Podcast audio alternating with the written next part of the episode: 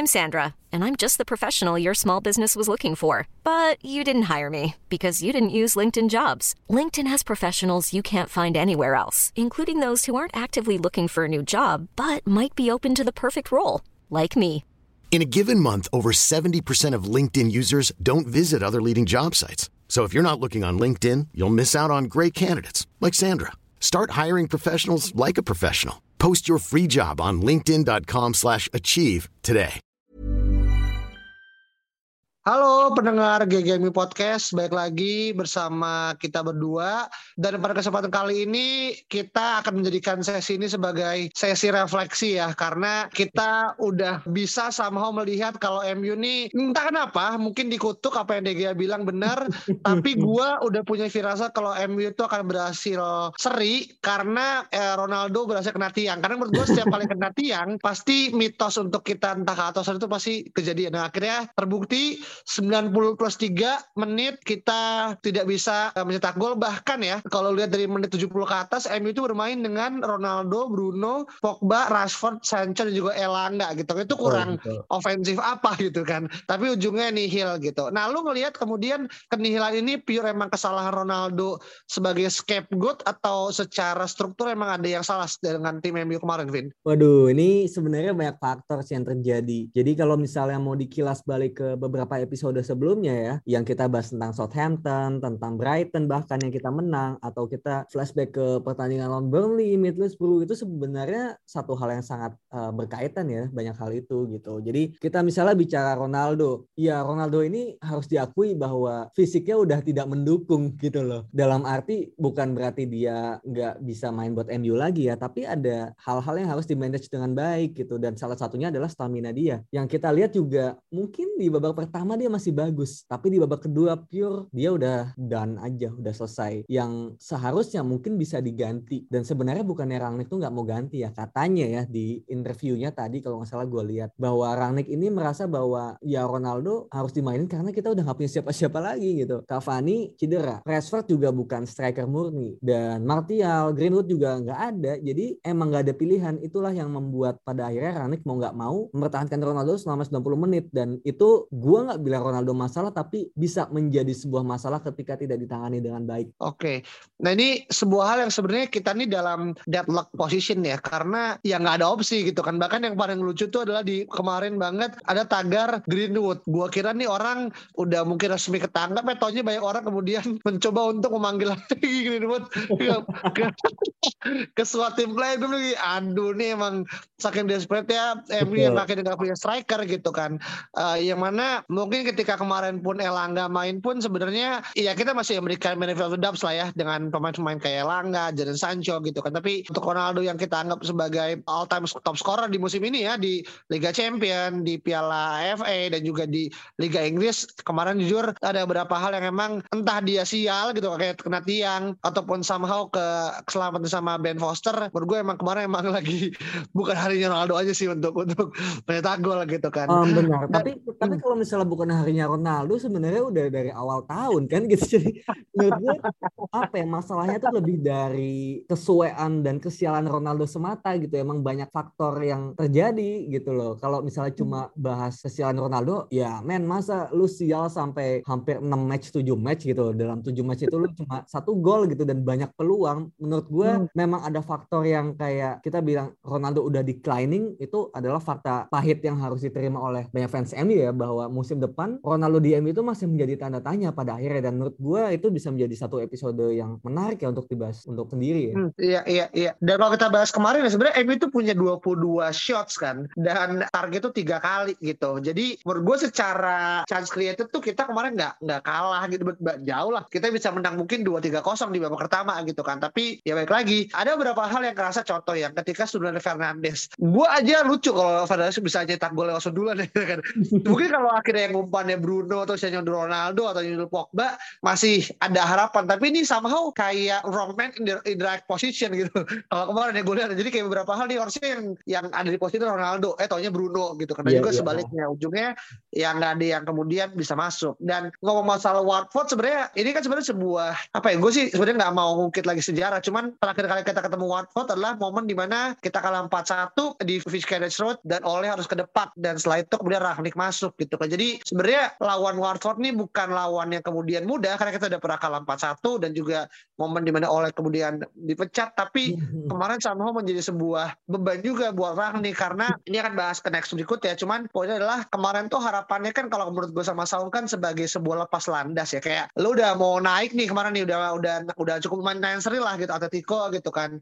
Eh tiba-tiba sama pilot terus paksa turun lagi nih gitu kan.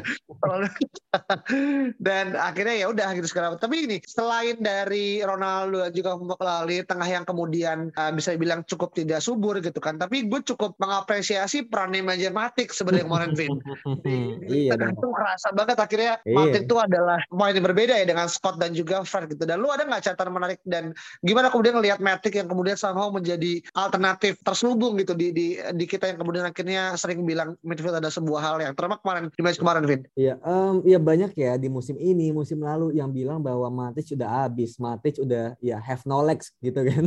Eh, bahkan Sawung sendiri juga dari episode-episode yang lalu gitu seringnya ya nggak mau menganggap bahwa Matic itu masih ada gitu. Kayak ya sel- selalu dianggap bahwa Matic ini udah nggak kuat main lagi gitu. Iya mungkin benar nggak kuat bermain 90 menit iya gitu, tapi ketika dia bermain ya harus diakui bahwa dia memberikan sebuah apa ya operan-operan dan juga playmakingnya bagus ya dari belakang. Dan kemarin lawan Watford tuh kelihatan banget. Bahkan kalau mau sedihnya kelihatan banget ketika Matic ditarik di menit ya 70-an something ya untuk Rashford kalau nggak salah. Itu menurut gua ya menurut gua ditariknya Matic itu adalah sebuah kesalahan yang mana Pogba sama Fernandes ini nggak bisa kontrol lini tengah lagi ketika lini tengah ini double pivot ini dipegang oleh mereka berdua. Karena mereka berdua ini Bruno dan juga Pogba adalah pemain yang lebih ofensif kan lebih untuk main di final third bukan di belakang gitu loh. Jadi menurut gua dengan menumpuk attacker di depan empat ya di depan bersama dua sayap dan juga memberikan kebebasan lini tengah kepada Bruno dan Pogba itu adalah sebuah kesalahan yang diulangi ketika kemarin juga lawan Soton kan begitu. Gue udah bilang di GGMG bahwa ketika formasinya jadi 4-4-2 ya di menit 70-an menarik seorang gelandang untuk seorang striker dan kita bermain long ball ya udah itu udah menjadi deadlock karena main lu udah gak akan bener lini tengah lu udah kalah karena lu bakal long ball ke depan dan ya udah gitu. Lu ke depan long ball ngandelin siapa gitu loh. Kita nggak punya Zlatan atau Fellaini. Ronaldo itu udah nggak bisa buat duel udara yang apa ya menjadi target man. Sesuai kita udah pernah bilang bahwa Ronaldo ini harus mengubah gaya bermainnya yang mana kayaknya nggak akan mungkin gitu loh. Jadi menurut gua balik ke Matic lagi ya DM ini sangat-sangat dibutuhkan dan menurut gua Matic ini harus di manage sedemikian rupa supaya lu bisa mainin dia dalam jangka waktu yang tepat. Misalnya 60 menit, 70 menit atau misalnya di akhir 30 menit kayak gitu loh. Jangan sampai bikin dia kecapean tapi jangan sampai dia juga tidak dimainkan gitu loh. Hmm, iya iya iya. Intinya adalah menggunakan resources sebaik mungkin ya. Sebaik mungkin dan sebijak mungkin gitu loh. Iya iya iya iya dan dan uh, bener ya maksudnya Matic tuh menurut gua ada satu man of the match ya kemarin ya. Maksudnya ya siapa lagi jadi MOTM gitu kan. Lu berharap Ronaldo gitu kan enggak juga. Jadi menurut gua sih bener ketika Matic kemarin uh, cabut pun itu kerasa ada ada ada part yang di skip gitu kan. Apalagi ketika Fred juga ditarik gitu kan tarik keluar itu bener-bener seolah tuh dibiarin bolong aja gitu. Kita nggak Benar, benar di, di skip ya kan, benar-benar ya udah seolah ya dengan empat penyerang seolah tuh lebih berbahaya. Padahal enggak men gitu. Main bola tuh enggak enggak kayak main game gitu. Menurut gua entah ya Rangnick kenapa mengulangi pattern yang udah nggak bekerja gitu loh. Apakah dia masih yakin gitu bahwa ini harusnya bisa gitu karena lawannya cuma Watford tapi ya men lu udah dua kali pakai 4-4-2 20 menit terakhir tuh nggak bekerja gitu. Jadi jangan korbankan lini tengah untuk seorang penyerang itu gitu loh. Iya iya iya iya. Dan juga sebenarnya kalau kita coba tarik pertandingan itu dalam hal yang lebih historikal ya. Kemarin tuh menurut gue pertandingan yang apa match of reunion ya. Karena di Watford ada Ben Foster, Tom Cleverley dan juga Josh King kan. Akhirnya balik ke Old Trafford gitu kan. Dan akhirnya somehow menurut gue gue pengen fokus ke Ben Foster. Di mana menurut data ya dia adalah kiper tertua di umur 38 tahun dan dia adalah kiper tertua yang datang ke Old Trafford dengan clean sheet. Jadi kemarin itu adalah ibaratnya ex main MU yang mencatatkan sejarah buat MU itu sendiri gitu kan. Tapi dari sudut pandang villain gitu atau antagonis gitu kan. Menurut gue yeah, yeah. ini agak cukup cerita yang mungkin agak kurang mengenakan. Tapi menurut gue kemarin momennya bisa ditarik dari angle yang lebih general gitu kan. Dan masalahnya adalah besok minggu gitu kan. Kita harus bertandang dan nggak cuma sekali ya, tapi mungkin 3-4 match ke depannya akan menjadi sebuah bulan raka gitu kan. Maret adalah sebuah kasar kalau di bahasa WWE itu adalah no mercy lah gitu. Iya. nggak ada ampun gitu kan. Kalau kita kemudian akan terpelosok di lantai 4 ya inilah bulannya gitu Maret gitu kan nggak akan lihat bulan lainnya gitu kan dan pertandingan pertama kita dimulai ketika kita bertandang ke Etihad Stadium ya ke City gitu kan hari Minggu di mana kemarin mungkin minggu lalu kita uh, City baru kalah 3-2 lawan Tottenham tapi kemarin menang 1-0 gitu kalau Brentford. Lu ngelihat di mana akhirnya peluang MU untuk bisa mencuri ya satu poin lah minimal ya gitu kan. Uh, karena kalau City kalah mm-hmm. Liverpool juara tuh akan terbuka lebar. Tapi kalau City menang MU masuk ke Liga Champions itu akan semakin tertutup karena Arsenal juga pernah menang. Nah, ini buah si malakama dan dari sudut pandang Alvin lebih menurunkan ego mm-hmm. atau cenderung mempertahankan rivalitas iya menurut gue tuh pertanyaan yang sangat menjebak tapi gue gak akan terjebak sih sama pertanyaan itu karena karena gini menurut gue meskipun jarak City dan Liverpool cuma tiga poin ya tapi mereka pun masih ketemu sekali gitu. Dan kita masih bakal ketemu Liverpool satu kali juga di Anfield. Jadi menurut gue masih banyak kemungkinan yang terjadi dan gue menganggap bahwa match lawan City ini tetap kita harus menang gitu loh.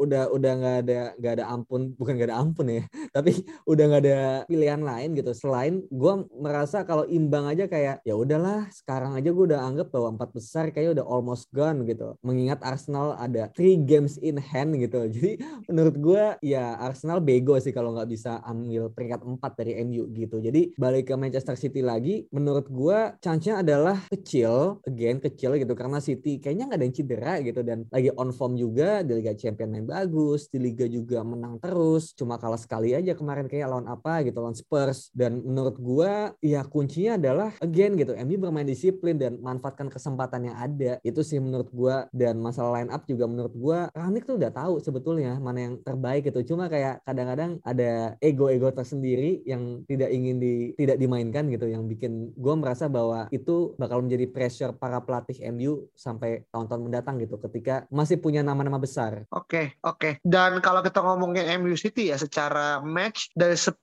pertandingan terakhir tuh sebenarnya bisa dibilang quote unquote agak cukup seri imbang. Empat kali menang buat City, empat buat MU, dua seri gitu kan. Yang mana sebenarnya not bad apalagi ketika kita ditangani sama Ole ya saya menurut gue MU di bawah oleh lawan City itu ibaratnya pertandingan yang quote unquote bisa dibilang kita punya harapan untuk bisa mencuri angka gitu kan. Tapi beda di kejadian, kejadian sekarang gitu kan. Uh, eh, MU sama City kalau nggak salah bedanya bisa sampai 17 kalau saya gue lihat di papan ini gitu kan. Jadi cukup jauh kalau kita ngomong secara poin gitu kan. Dan lu ngelihat pertandingan besok itu akan lebih kepada just another match atau ada bumbu yang kemudian coba dituntaskan oleh skuad MU karena setelah gue juga nih di bulan ini pun juga sebenarnya Liverpool bakal ketemu sama Arsenal. Hmm. Terus juga di April, April awal uh, City akan ketemu Liverpool juga. Jadi sebenarnya nih buat tiga tim ya, MU City sama uh, Liverpool nih sebenarnya match yang cukup padat dan juga di pertengahan bulan Maret uh, Liverpool akan ketemu Tottenham juga. Jadi hmm. sebenarnya ketiga tim ini nih sebenarnya udah lagi lagi saling bunuh membunuh. Makanya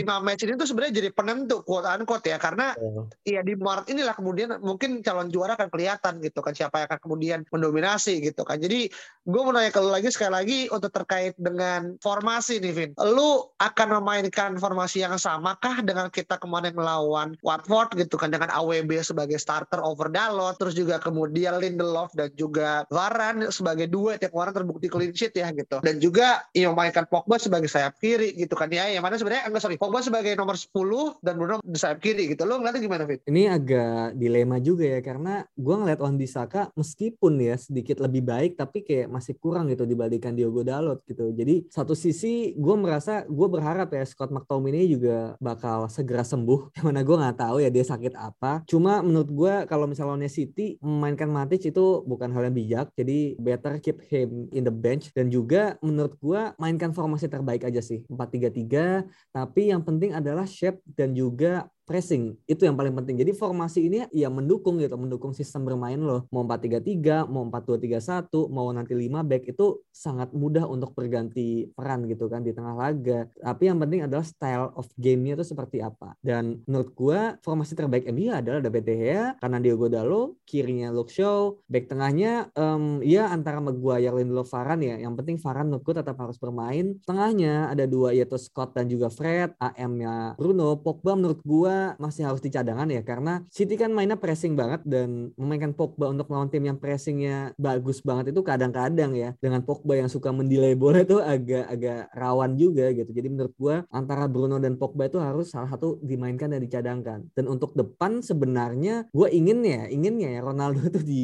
di bench dulu aja gitu loh untuk babak kedua ketika memang butuh untuk long ball atau untuk crossing gitu. Jadi karena Ronaldo jelas nggak akan pernah bisa pressing secara apa ya, secara kohesif gitu. Pasti akan ada lubang yang ditinggalkan. Dan untuk saya udah pasti lah Sancho dan juga Elanga ya. Dan mungkin gue ralat sedikit karena Ronaldo ingin gue cadangkan ya, gue akan memainkan Fernandes di sana gitu dan Pogba di posisinya Bruno gitu sih menurut gue itu udah menjadi formasi yang mungkin menurut gue ya terbaik dan terbijak cuma akan sulit untuk dilakukan menurut gue sih gitu. Iya sih. Dan juga sebenarnya ya betul ya kayak dilema ini akan selalu ada dalam dalam otaknya Rahnik gitu kan. Dan akhirnya kemarin yang ini mungkin kalau ngomongin Ronaldo sejenak ya ini ada intermezzo juga kemarin tuh banyak orang berspekulasi kan kemarin habis kemarin MU Sri lawan Watford Ronaldo kan cabut tuh sama Georgina gitu kan ke Madrid gitu kan hmm. untuk liburan gitu. Banyak orang kemudian mengatakan wah nih dan jangan Ronaldo mau balik lagi untuk yeah. ke Madrid kan itu kan sering dulu ya. Maksudnya hal kayak gitu kan sering banget apalagi media di Inggris gitu kan di Eropa yeah, kan yeah. membuat sebuah kabar yang cenderungnya terlihat bombastis padahal biasa aja gitu. Yeah, Ronaldo yeah. klarifikasi kayak ya just another fine diner fine diner aja gitu. Yeah. Gak ada hubungan terus akhirnya balik ke Manchester lagi. Jadi menurut gue sih kadang hal kayak gini sebagai bumbu ya dan ini akan mungkin mengganggu mentalitas pemain MU juga gitu kan karena most likely akan terbaca dan segala macam. Tapi baik again kalau menurut gue pun pribadi apa yang apa yang Alvin sampaikan menurut gue bijak ya untuk kemudian beberapa pemain contoh kayak AWB dan juga Pogba sebenarnya nggak cukup bisa menjadi sebuah pemain yang fit dengan karakteristik ya gitu dan sebenarnya kalau gue boleh boleh milih gitu kan kalau hmm. misalkan ada Dan James maka Dan James akan pilihan gue kita iya, tahu gimana link up dan James dan juga Anthony Martial ya kemudian di di uh, musim lalu gitu kan yang menurut gue cukup membuat kerepotan gitu kan tapi sekarang ya sayangnya ya boro-boro Dan James itu kan pemain yang winger aja selain dari Elanga, Sancho, Rashford, kayaknya sulit untuk kemudian kita lihat gitu kan. Terlepas banyak desakan nih dari para fans untuk memberikan kesempatan kepada beberapa pemain muda gitu kan. Karena kita tahu juga form pemain muda MU ini lagi cukup on form nih gitu kan. Lagi U23 akan masuk final semifinal ngelawan di FA Youth Cup juga. Jadi menurut gua beberapa pemain bisa lah diberikan kesempatan gitu. Apalagi untuk beberapa posisi yang sebenarnya nggak krusial-krusial banget gitu kayak left back gitu kan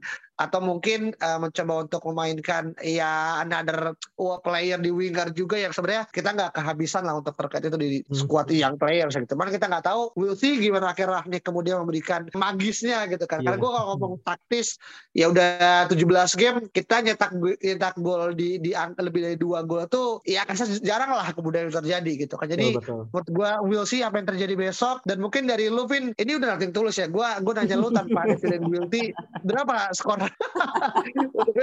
Iya, objectively gue bakal bilang MU kalah sih gitu. Kayak udah kemungkinan bisa seri pun juga sulit gitu. Karena melihat mentalitas yang lagi kena juga dan juga form ya form di depan gawang yang menurut gue masih nggak konsisten. Kadang bagus kadang enggak gitu. Dan kita melihat Bruno Fernandes depan gawang pun nggak masuk. Yang mana dia bisa ada opsi untuk square kan ke Ronaldo gitu. Jadi menurut gue masalah ini jauh lebih besar daripada hal yang kita lihat di lapangan. Dan itulah yang membuat gue sangat tidak bisa menebak ya sebenarnya MU ini bakal menang atau kalah banyak match yang di mana kita rasa bakal kalah tapi menang. Banyak yang match di mana kita rasa harus menang ternyata seri gitu. Jadi menurut gue apa ya agak susah gitu memprediksinya. Cuma kalau bisa memprediksi untuk lawan City, ya mungkin ya kayaknya kalau Ronaldo main dari awal dan main 90 menit kayaknya bakal susah gitu untuk menang gitu karena ya City akan build up dengan sangat mudah sih. Jadi ya kalah 1-0 atau 2-1 menurut gue bukanlah hal yang mengagetkan sih kalau terjadi. Hmm, ya, iya. Jadi kasarnya tuh yang gue tangkap nih calculated loss lah ya. Calculated loss, benar. Gue coba menerjemahkan dalam lebih soft aja gitu kan. Karena tadi secara panjang lebar tuh gitu kan kasarnya sih ya calculated loss. Jadi uh, harapannya jangan terlalu tinggi. Kalau menang nggak usah bersorak-sorak kita akan juara Liga Inggris masih jauh. Uh, mungkin musim depan bisa ada gitu kan. Kalau nggak ada ya kita tunggu dua musim lagi. itu kan yang selalu menjadi apa namanya jargon jargonan fans itu kan selalu ya will be coming will be coming again next year gitu kan dan sampai di tahun 2012 sampai sekarang juga next next terus gitu kan sampai kapan pun kita nggak pernah tahu gitu kan. Tapi uh, we'll see apa yang akan terjadi. Thank you so much teman-teman udah dengerin potensi game kali ini. Sampai jumpa pertemuan berikutnya dan bye-bye. Even when we're on a budget, we still deserve nice things. Quince is a place to scoop up stunning high-end goods for 50 to 80% less than similar brands. They have buttery soft cashmere sweaters starting at $50, luxurious Italian leather bags, and so much more. Plus, Quince only works with factories that use safe, ethical, and responsible manufacturing. Get the high-end goods you'll love without the high price tag with Quince. Go to quince.com/style for free shipping and 365-day returns.